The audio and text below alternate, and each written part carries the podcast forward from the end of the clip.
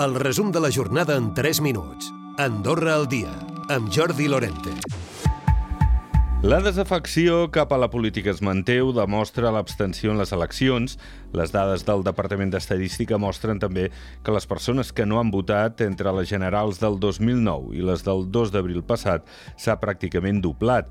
Per trams d'edat, els que més s'abstenen són els més joves, de 18 a 35 anys. Les parròquies amb menys abstenció en els últims comicis han estat Ordino i Canillo, mentre que Andorra la Vella i Encamp és on més hi ha hagut. Una altra dada destacada és l'origen del votant. El percentatge d'abstenció ha estat més present en els electors nascuts a Andorra.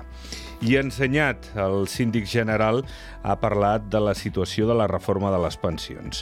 Destaca que no és un text excessivament difícil de redactar, l'escull, però, és trobar consens entre els grups.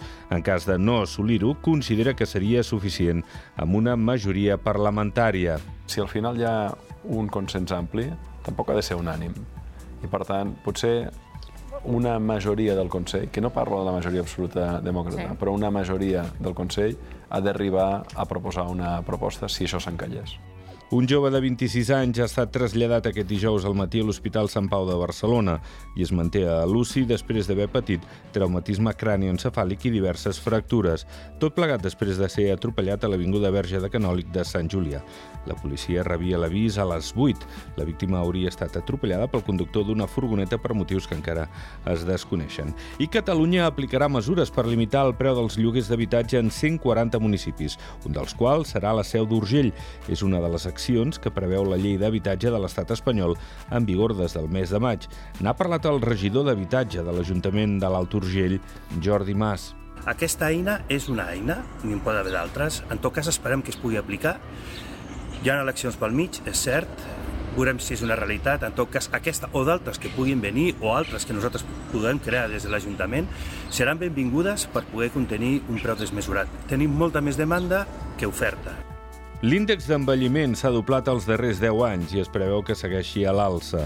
El SAS ha detectat un creixement molt important de casos de fragilitat i aposta per abordar-los de manera integral. L'objectiu, potenciar l'autonomia i facilitar recursos per evitar saturar urgències. Eva Eras és cap del Servei d'Envelliment i Salut del SAS. Malauradament, la fragilitat, si no fem res, acaba desencadenant cap a una dependència. I quan ja arribem a aquesta situació de dependència ja no hi ha marxa enrere. Per tant, és molt important poder detectar aquestes situacions, anticipar-nos. D'altra banda, el futur centre geriàtric d'Ordino enfronta la majoria i la minoria. El projecte hores d'ara es troba en fase d'estudi, segons ha dit el cònsul major. Si es compleixen els terminis previstos, aquest any es podria disposar del plec de bases per fer-hi l'adjudicació. Amb tot, el centre seria operatiu com abans el 2025. I d'altra banda, la protecció medi ambient va suposar l'any passat uns 29 milions d'euros, amb un increment de pràcticament un 12% respecte de l'any anterior. Recupera el resum de la jornada cada dia a AndorraDifusió.d i a les plataformes de podcast.